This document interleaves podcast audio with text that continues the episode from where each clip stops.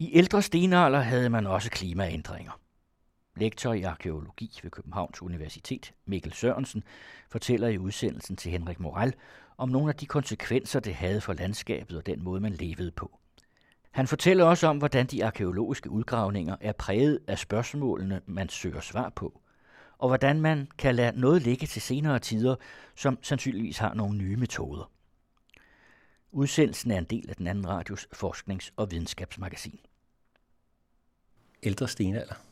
Hvor er vi så henne tidsmæssigt? Ja, det er jo faktisk et rigtig godt spørgsmål, fordi øh, den ældre stenalder er jo øh, et begreb, der kendetegner, at man lever som jæger-samlere.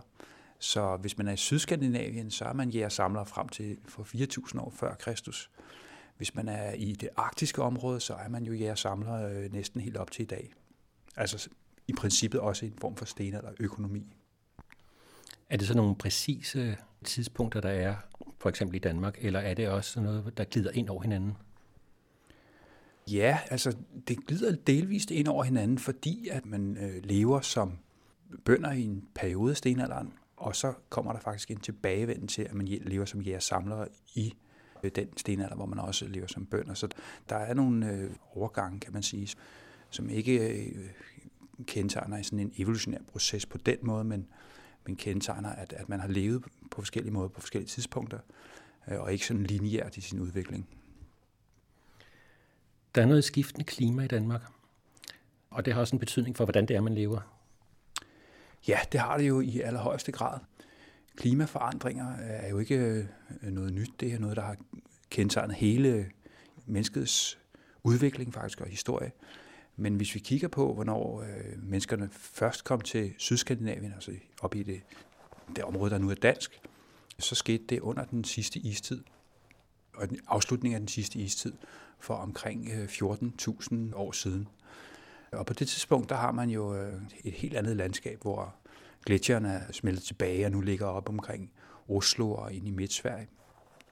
Og så har man sådan et, et tundra-landskab, steppelandskab, landskab, som man kommer ind i. Og så sker de her forandringer i klimaet, og, og man får øh, nogle, nogle nye bosættelser op i, i Sydskandinavien.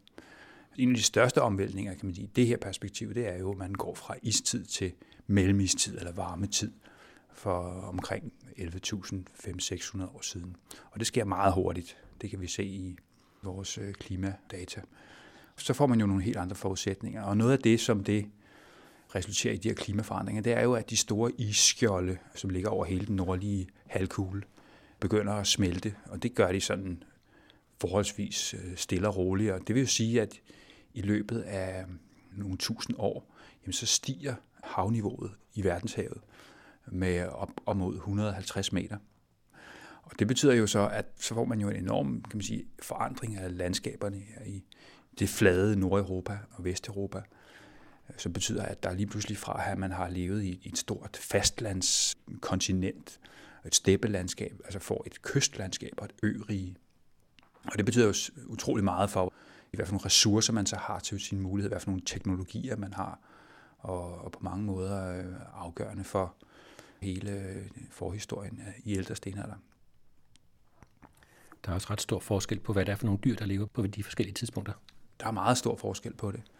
I starten lever man jo meget af de store landpattedyr. Rensdyret kommer efter istiden kommer også elgen ind i varmeperioderne, som er et jagtdyr helt, helt tydeligt. Vi har fundet knogler, og vi har fundet pile, der viser, at man har skudt dem. Skraber, og vi har mange forskellige ting, der viser, at man har udnyttet de store jagtpattedyr. Og så efter den her opvarmning af nordlig halvkugle eller verdensklima, så er det jo primært så skovdyren. Skoven kommer ind til Sydskandinavien. Først er det birk og fyrskove. Det har også nogle muligheder for nogle af de store landpattedyr, men efterhånden, som skoven går mere til, så får man jo øh, hjorte, vildsvin, rådyr af nogle af dyrene, som man jæger i meget stor udstrækning. Så er der jo alt fuglevildt, og så lever man meget af ferskvandsfisk også. Det er helt tydeligt, fordi det er et meget øh, vandfyldt landskab. Et landskab, man slet ikke forestiller sig i dag.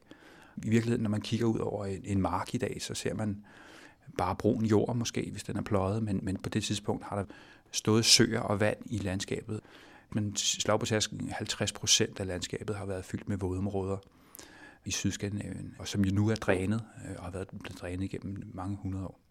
Selv de faste landskaber har set helt anderledes ud.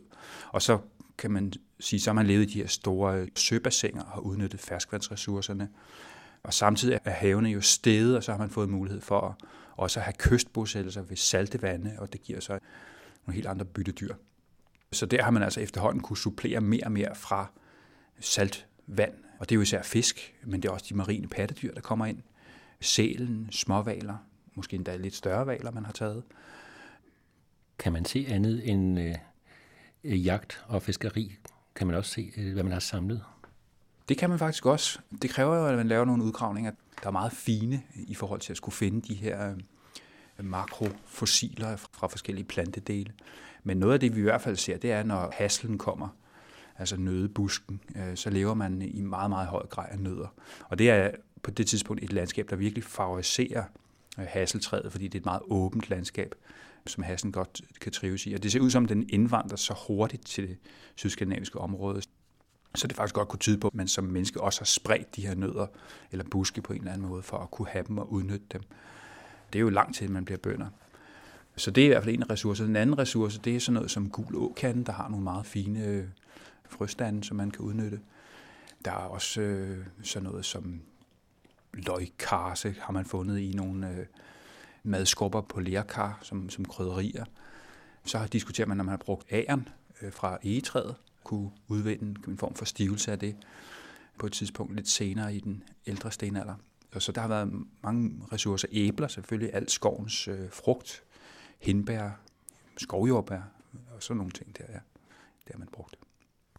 Så når vi snakker om jæger samlere, så er det virkelig også meget med samlere? Det er det i høj grad, ja. Det er, øh, den økonomi er netop øh, en, en blandingsøkonomi af, af mange forskellige ressourcer. Og også hen over året, kan man sige, der er en års cyklus af, hvad for nogle dyr, der findes. Der er jo alle trækfuglene, man kan jage i nogle perioder, øh, og i andre så er der fisk, der trækker igennem øh, de danske sunde og bælter. På den måde kan vi faktisk også mm, årstidsbestemme, hvornår man har været til stede øh, på de forskellige stenalder lokaliteter. Noget af det, der er populært for tiden, det er stenalderkost. Mm. Har det ret meget at gøre med en faktisk kost i stenalderen? Ja, stenalderkost, det er jo sikkert mange ting, men sådan som jeg forstår stenalderkost, så er det jo en diæt uden øh, kulhydrater, ikke? Oftest med en masse ingredienser, som man så ikke har levet af i stenalderen. Så på den måde giver det måske ikke så stor mening. Og så skal man jo også huske på, at i stenalderen, den er jo delt både i den ældre og den yngre stenalder. Og i den yngre del af stenalderen, jamen der, der spiste man jo masser af, af kulhydrater, fordi der var man bønder. Så igen skal man nok være ret præcis med at få forklaret, hvad det er for en del af stenalderen, man, man levede i. Altså stenalderen er så mange ting. Der er også en del af stenalderen, hvor man nærmest kun lever af fisk, og så er der en del af stenalderen, hvor man faktisk næsten kun lever af, af landpattedyr. Og endelig kan man sige, at vilde arter har altså nogle andre kødstrukturer og fedtstrukturer især end øh, domesticerede animalske produkter i dag man kan sige, der er nok ikke nogen mennesker i stenalderen, der ville have levet af, en stenalderkost, som den ser ud i dag, lige meget næsten, hvordan den er lavet. Vi sidder her ude på Københavns Universitet Amager og kan se ud, og vi kan se nogle veje, og vi kan se nogle træer. Træerne, det er vist stort set det grønne, vi kan se. Hvordan har det set ud her tidligere? Jamen igen, det er jo et utroligt dynamisk øh, landskab, det sydskandinaviske. Og det tænker man jo ikke, når man har en levetid på 50 år, at der sker så store forandringer over nogle 100 eller nogle tusind år, men det er der virkelig sket. Og ikke kun i, øh, i menneskernes bebyggelse, også i vegetation og i havniveau og så videre. Så, så det er jo helt afhængigt af, hvor man ligesom dykker ned i, i, i tiden. Men man kan sige, i det, der hedder maglemoskulturen, som er efter den her varme periode sætter ind, der har man jo faktisk en, en periode, hvor man er landfast med Sverige, så der vil man kunne kigge ud over et stort steppe landskab her, med lidt enebær og lidt lyng og lidt øh, birk og sådan noget, lidt fyre, og så kunne man se til Sverige simpelthen. Man ville også kunne gå til Sverige, det ville ikke noget problem. Senere kommer der jo en stor elv op igennem Øresund, som så udvider sig, og man får et kystlandskab. Og så når man kommer op til det, der hedder ærtebølgekultur, jamen der vil kystlinjen nok stå helt inde omkring, øh, hvor vi er nu langt inde på Amager. Amager vil være en betydeligt mindre ø, end den er i dag fordi den er så flad, som den er, så vandstanden har simpelthen stået højere. Og så kan man sige, at vegetationen, jamen, i løbet af, af den her havstigningsperiode, der bliver det også øh, noget varmere, og man får indvandring af, af skoven, som jo så indvandrer fra, fra Sydøsteuropa, de forskellige arter. Så man får nok en, en tæt urskov her på de lidt federe jorder inde på Amager, jorderne, som vist består af måske lindetræer, egetræer, elmetræer, og øh, ja, så kan der være hassel i kanterne, hvor der er mere lysåbent. Men sådan noget som bøgen er ikke, som vi måske kan se nogle eksempler på her, den, den, den, den, den vil ikke være der. Det er et bronzealdertræ, kan man sige, den kommer langt senere. Så, så det er et spørgsmål om, hvad for en tidsdel af stenalderen, vi, vi, vi dykker ned i. Det er jo en lang periode, men også en meget dynamisk periode. Kunne vi sætte nogle øh, nutidige områder på, hvis vi skulle se på, hvordan det har set ud? Mm, ja, vi kunne godt flytte os lidt til nogle andre geografiske områder eller lokaliteter for, for at få en fornemmelse af, hvordan der har set ud i stenalderen. Altså man kan sige, det istidslandskab, som vi, vi startede med at snakke lidt om, det finder vi jo i dag øh, i nærheden af gletsjer, for eksempel i, i Vestgrønland kunne det være, men også i, øh, i Lapland øh, vil man kunne se mange af de samme træer og arter og dyr. Og hvis man så øh, forestiller sig, at man kommer ind i øh, det, der hedder maglemoskultur, altså den første varme periode. Der er nogle, øh, nogle skovområder, som er forholdsvis uberørte nede ved i Sønderjylland, hvor man, man kunne se de her løvskove. Det er jo især løvskove, der præger, præger den her periode. Så man kan godt flytte lidt rundt i verden for at få en fornemmelse af, hvordan landskaberne har været hjemme, men, men man kan heller ikke sige, at de har været lige sådan. Altså, der, er en, der vil stadigvæk være nogle forskelle. Man kan sige, hvis man går til Grønland, så er der også øh, meget større højdeforskel i, i landskabet, end der er hernede i Sydskandinavien. Så, så, så der er også nogle forskelle, helt sikkert. Hvad er det, man finder, når man øh, graver efter stenalder?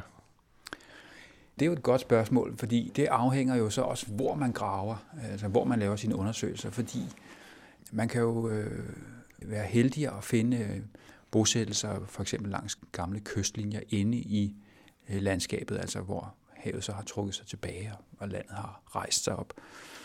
Og der vil man jo nok finde øh, primært genstande af sten, øh, for der vil bevaringsforholdene ikke altid være særlig gode.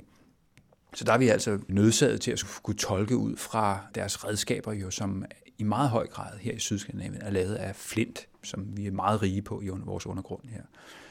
Så det har man altså også brugt rigtig meget af, øh, og dermed så kan man sige, der hvor der er pløjet jord, forarbejdet jord i det danske landskab, der er altså gode muligheder for at finde ting fra stenalderen, fordi alt, hvad man har brugt, og alt kan sige, materiale, man har forarbejdet sten, det ligger simpelthen tilbage. Og hvis man kan se, hvordan sådan et materiale ser ud, hvad for en kendetegn det har, jamen så kan man lokalisere i dag, hvor bopladserne findes. Så sten på de pløjede faste jorder fra stenalderen. Men hvis vi flytter os ud i nærheden af kysterne, eller endda under vandet, jamen så har det nogle helt andre bevaringsforhold, vi har. Danmark har nogle af de aller, allerbedste bevaringsforhold i verden. For det marine materiale, altså for det, der er blevet oversvømmet af, af verdenshavene, da de steg, det er jo sådan nogle situationer, hvor man har levet ved kysten og så smidt sine ting ud i strandzonen. Det er sådan et lavvandet område, hvor det ligesom er synket ned i noget døn der, og så er blevet indlejret iltfrit i de her øh, lag, og så kommer der nogle sedimenter hen over det måske, ikke? og så bliver det lukket inden. Og når man så øh, dykker i dag, øh, som sportsdykker eller som arkeolog, jamen så vil man, hvis man ved, hvordan sådan nogle ting skal se ud, så kunne finde stenaldermaterialer på havbunden, når de eroderes frem. Og der kan man altså finde øh, træstrukturer, buer, øh, padler, grave, der er oversvømmet fra stenalderen osv. osv. Så der har vi nogle fuldstændig unikke øh, muligheder for at se et materiale, vi ikke plejer at se. Ja, sågar tekstiler er der kommet op fra, fra stenalderen. Snore, der viser, hvordan man har bundet fiskekrog af ben sammen osv. osv. Fiskeredskaber, mange, mange, mange forskellige ting. Men den anden mulighed, vi også har, det er at gå ud i, i tørre moserne, som jo i dag findes mange steder i syd, Skandinavien, men også i andre steder i verden. Og der har vi også nogle utrolig gode bevaringsforhold, fordi de er kalkrige ofte. Så der kan vi altså finde øh, genstande af knogler, øhm, og vi kan finde øh, også træ nogle gange. Øh, så hvis man har sådan gamle søbrede linjer inde i moserne, jamen så har vi også der nogle, nogle ildfrie bevaringsforhold der. Kunne du prøve at give nogle eksempler på, hvad det er, man finder? Et af de mest spændende fund, synes jeg, det er jo nok, at man har gjort fund af deres boliger ude i øh, tørveområdet. Fordi det fortæller os jo så også, hvordan øh, et samfund ligesom har været organiseret. Altså har man boet i store fælleshuse, har man boet i, i hytter, eller hvad har man gjort? Og der, der kan man altså se, at man har boet i, i sådan en 4-6 meter store diameter øh, hytter i løbet af, af den ældre stenalder. Øh, ofte har der været lidt fugtigt nede i, i bunden af hytten, så man har lagt en masse grene og bark ned, og så har man haft en mulighed for et ildsted i midten af, af boligen, og så har man haft nogle brikser rundt omkring. Og der kan man altså finde alle de redskaber af sten og ben, som man har brugt og kasseret, når man har været til stede i boligen der. Og der er det en lille, en lille detalje, at man ofte øh, ja, man smider måske noget ud af boligen, men ellers så lægger man faktisk bare nyt gulvlag ind, når man synes, at nu bliver det for snasket derinde. Og dermed så får man jo muligheden for at se, øh, øh, hvad man har lavet i boligen, kan man sige, når man udgraver, at øh, det, det er simpelthen det, de her ting, man har brugt og lavet. Så det kan være en rigtig spændende situation. Noget af det nye, der også er kommet frem, det er så, at, at det ser ud som om, der er flere boliger til stede, altså så det er mindre boliger, men at de her boliger ligger faktisk i forhold til hinanden øh, langs med søbredden, sådan så man skal altså forestille sig en boplads ikke bare bestående af én bolig, men at der ofte vil være mange flere familier til stede på en boplads samtidig. Kan man så sige, hvor mange der har boet i sådan en bolig? Når man kigger på størrelsen af boligen, og hvor mange der vil kunne sove, kan man sige, sådan et, øh, hvis man har samme størrelse, som vi har, hvilket de havde jo, så, så kunne man nok snakke om en, en familie, en udvidet familie. Altså, så det kunne måske være op til seks personer, men det, det kan jo sikkert også variere på det tidspunkt, hvor mange man er. Men den familiestrukturen, eller sådan må man nok forestille sig, men også den udvidede familie, altså onkler, øh, ældre osv. osv. Det er også noget, vi, vi ser i, øh, i andre jægersamlere forhold. Det er tit sådan, man strukturerer sin boligform, i hvert fald i en del af året. Hvor godt har man levet? Ja, det er jo altid øh, det store spørgsmål. Altså, hvis man er romantiker, kan man jo sige, at de har levet bedre end os, ikke? fordi at, øh, de har jo øh, ikke skulle arbejde på samme øh, måde og så lang tid for at kunne få, få føde, som, øh, som vi har skulle. Man kan sige, at hvis man har ressourcer til stede, som I har samlet samfund, så er det jo en utrolig let indbringende måde at leve på, fordi du skyder et dyr, og så har du mad til, til faktisk til lang tid. Ikke? Hvis det er et større dyr. Du kan øh, samle ind fra kysterne fiske på nogle måder, som gør, at øh, du faktisk kan tilvejebringe ret store øh, mængder fødevarer ret nemt. Så det kan være en meget fordelagtig måde at leve på. Hvis man er sådan mere kynisk og teknologisk indstillet over for, for hvordan verden øh, udvikler sig, så kunne man øh, sige, at det har været en primitiv tid, jo, hvor man ikke har kendt til lægevidenskab i samme grad, som man kender nu, så sygdom har været mere problematiske. Vi kan også se, at der har været øh, en grad af vold, som man ikke ser helt øh, i samme grad i, i dag. Så der må have været nogle, nogle stridigheder mellem folk. Og så kan vi jo se, at levealderen nødvendigvis ikke var meget høj, altså når vi finder gravene. Altså der er en, en stor frekvens af også yngre individer i, i gravmaterialet. Så, så det har nok også været øh, et, et hårdt liv. Men altså, jeg er lidt mere på den romantiske side. Jeg, jeg forestiller mig, at, at det må også være et fantastisk liv, og de her landskaber, de har levet i, må have været, været guddommeligt smukke, kan man sige.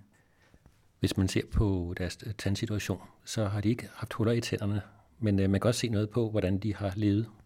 Ja, det er rigtigt. Altså, når man ikke får stivelse, ja, altså, det er jo stenalderkost, så man får stivelse i meget lille grad måske, ikke?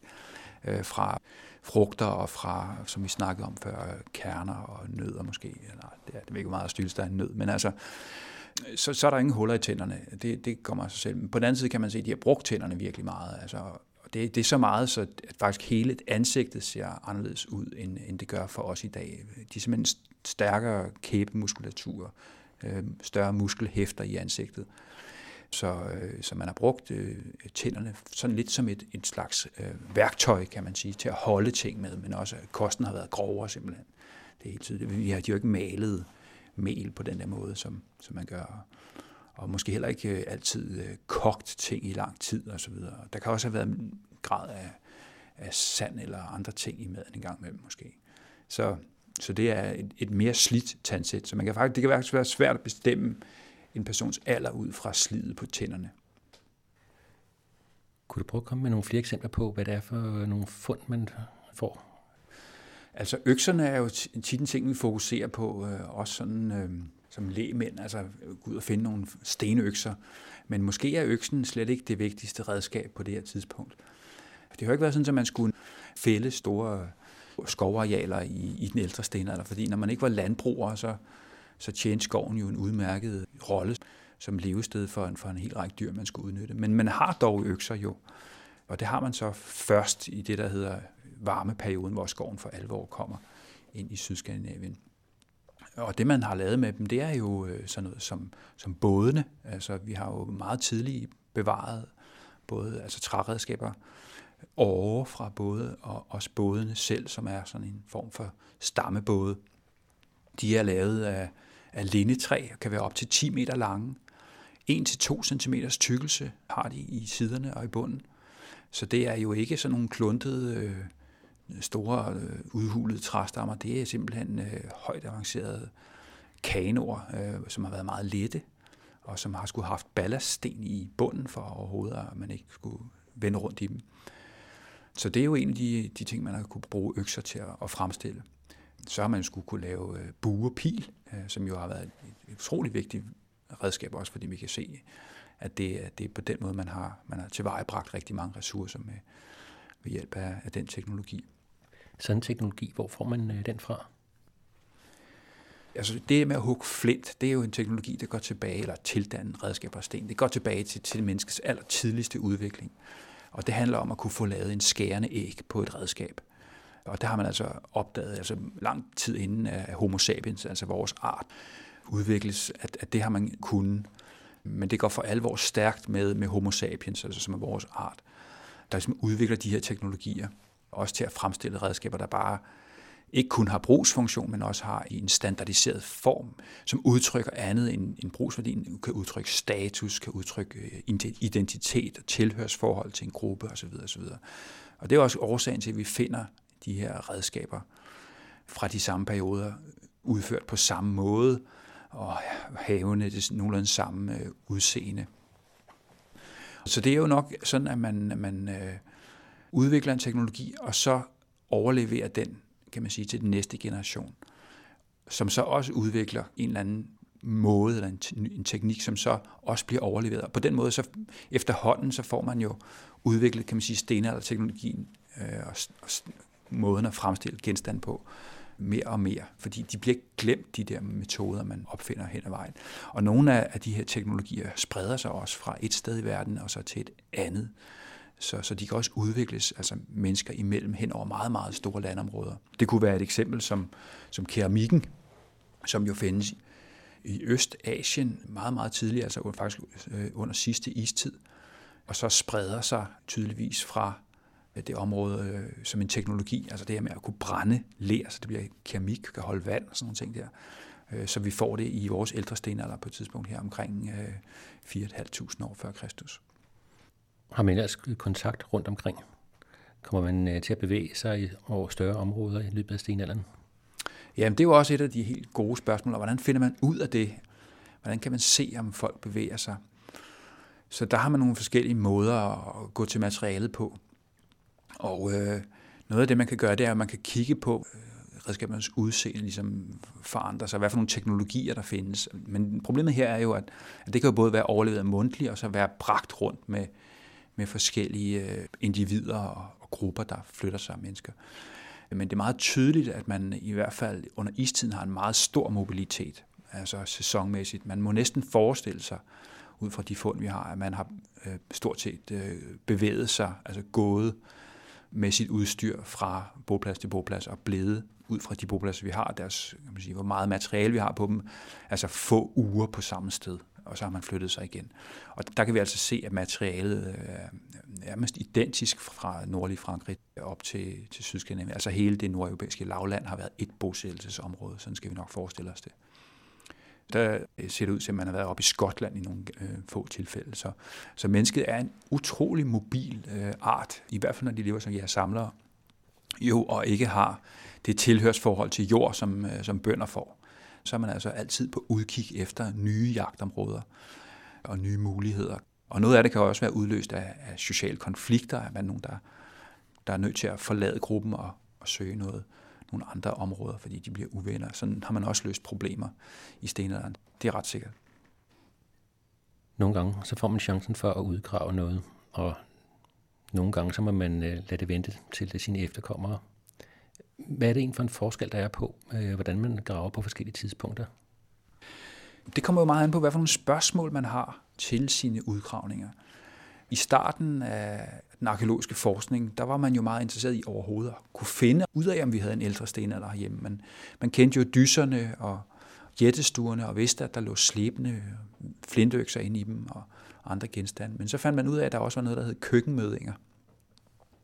Og først så troede man nok, at de var øh, naturlige skaldynger, men senere fandt man ud af, at der var altså nogle redskaber, der måtte være lavet af mennesker i de her køkkenmødinger. Og så udgravede man den på den måde, at man lavede et tværsnit i dem, altså vertikalt. Og på den måde kunne man altså få en mulighed for at se en tidsdybde i øh, køkkenmødingerne og i udgravningerne. Og, og dermed få dokumenteret, at der rent faktisk fandtes en ældre stenalder. Og det var allerede omkring 1850'erne, 60'erne. Det er meget, meget tidligt. Det er jo ikke særlig lang tid efter Darwin i virkeligheden siger, at, at mennesket har en høj alder. Så der blev de danske køkkenmødinger en meget, meget vigtig ressource og videnskabelig argument for, for menneskets historie. Så der var det altså, kan man sige, tidsdybden, man var interesseret i. Øh, I dag graver vi på en øh, noget anden måde. Vi ved, at vi har en ældre stenalder, men vi vil godt vide mere om, hvordan de levede. Og derfor så udgraver vi tingene i fladen. Det vil sige, at vi afdækker en flade i meget høj grad for at se, hvad for nogle aktivitetsspor har vi på overfladen. Så vi prøver at finde en samtidighed.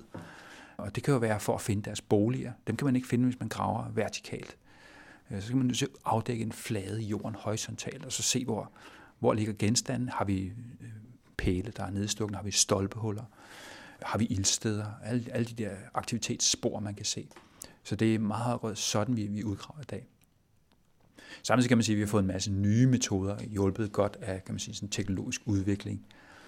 Kan man sige, de tidlige udgravninger, der tog man kun de store genstande af flint med, så, så fandt man ud af, at de små øh, genstande, de fortalte jo noget om, hvordan redskaberne var fremstillet, og fortalte en, en vigtig historie også. Og i dag, der graver man jo sådan, så man, man sådan set solder jorden, hvis det er helt optimalt, i, ned til 4 mm. Og så får man altså mulighed for at se, hvad for nogle øh, andre spor er der efter menneskerne. For eksempel, om der er fiskeknogler. Så kan man altså få at vide, hvad for en diæt de havde. Man kan finde øh, små redskabsfragmenter, der viser, hvad for nogle redskaber, der har været fremstillet, men ikke som findes der længere. Ja, så kan man altså få en hel, hel række andre Øh, data om, øh, om livet på det tidspunkt ved at grave, kan man sige, finere. Men frem for alt kan man jo også lave analyser af materialerne, som man har i, i meget højere grad. Altså man kan lave sådan noget som isotopundersøgelser. Hvis man har en, et knogle fra et menneske, kan man øh, finde ud af, om mennesket har levet af overvejende øh, marin, altså kost, øh, det vil sige, sige fisk, skalddyr, eller om mennesket har overlevet overvejende af, af terrestriske, altså landpattedyr. Og så er der jo alderen på tingene, som man, sige, kan være meget vigtigt, hvis man har organisk materiale bevaret. Det kan være lidt trækul, lidt knogle eller noget. Man kan få lavet en, en, en C14-datering, øh, så man kan få en, en absolut årstal ud for, hvornår bosættelsen har fundet sted. Det var, det var også meget vigtigt. Og så på det seneste kan man sige, hvis man har meget velbevaret organisk materiale eller knoglemateriale fra mennesker, især tænder, har man muligvis en, en mulighed for at kunne lave en DNA-analyse, der så viser noget om, om genetikken for den periode, eller for, for det individ. Ikke? Og hvis man havde muligheden for at gøre det i større udstrækning, kunne man altså sige noget om familierelationer på en gravplads eller nogle andre ting. Så sådan nogle ting, man arbejder lidt med i øjeblikket også. Der er mange nye udgravninger. Der er nødudgravninger. Der skal bygges en eller anden vej, og så skal der laves nogle udgravninger så kunne man jo spørge, jamen øhm, nu når man har lavet alle de andre udgravninger, er det så nødvendigt at lave de nye udgravninger, eller skal man bare sige, at det her det er noget fra stenalderen, og så ved vi sikkert noget om det? Mm. Ja, altså der er, der er to måder, som du siger, det er at udgrave. Der er alt der, der, der er nødvendigt at udgrave, fordi man har anlægsarbejder, motorveje især store. Ringstedbanen bliver udgravet i øjeblikket. Der skal laves en tunnelforbindelse til, til Tyskland fra Femern, der er en meget stor udgravning. Og så nogle udgravninger, de er lovpligtige. Så der vælger arkeologerne ikke, hvor der skal udgraves. Det vælger sådan set øh, dem, der skal bygge. Og dem, der skal bygge, betaler sådan set også øh, det meste af den øh, udgift, det så koster. Øh, og det er jo fordi, det er jo kulturarvsspørgsmål. Så hvis vi ødelægger spor, så har vi også måske pligt til at undersøge dem. Så det, det ligger i lovgivningen, og det gør vi som arkeologer i, i meget høj grad. Det er sådan set fint. Vi får en masse ny viden og information ud af, af den slags udgravninger. Desværre følger der ikke midler med til at få publiceret, altså få analyseret genstandene altid og få dem publiceret, men det, det arbejder vi på, og det skal vi gøre. Og så er der udgravningerne, som vi gerne vil lave, kan man sige, hvor vi, hvor vi prøver at give den hele armen, fordi vi ved, at den her lokalitet er helt unik. Den har nogle helt unikke bevaringsforhold og kan belyse nogle problemstillinger, som vi ikke har nogen øh, viden om, eller ikke nok viden om.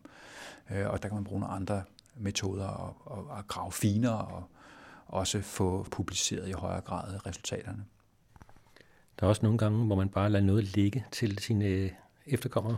Ja, hvis man har muligheden, er det faktisk en rigtig god idé, fordi øh, hvis det har været bevaret genstande i en, en situation under jorden, det kunne også være under havet, og, øh, og ikke sådan set er udsat for forstyrrelser, jamen så vil det jo blive ved med at blive bevaret. Altså det vil sige, det kan ligge der 10.000 år, og, og kan virkelig i princippet måske komme til at ligge der 10.000 år mere.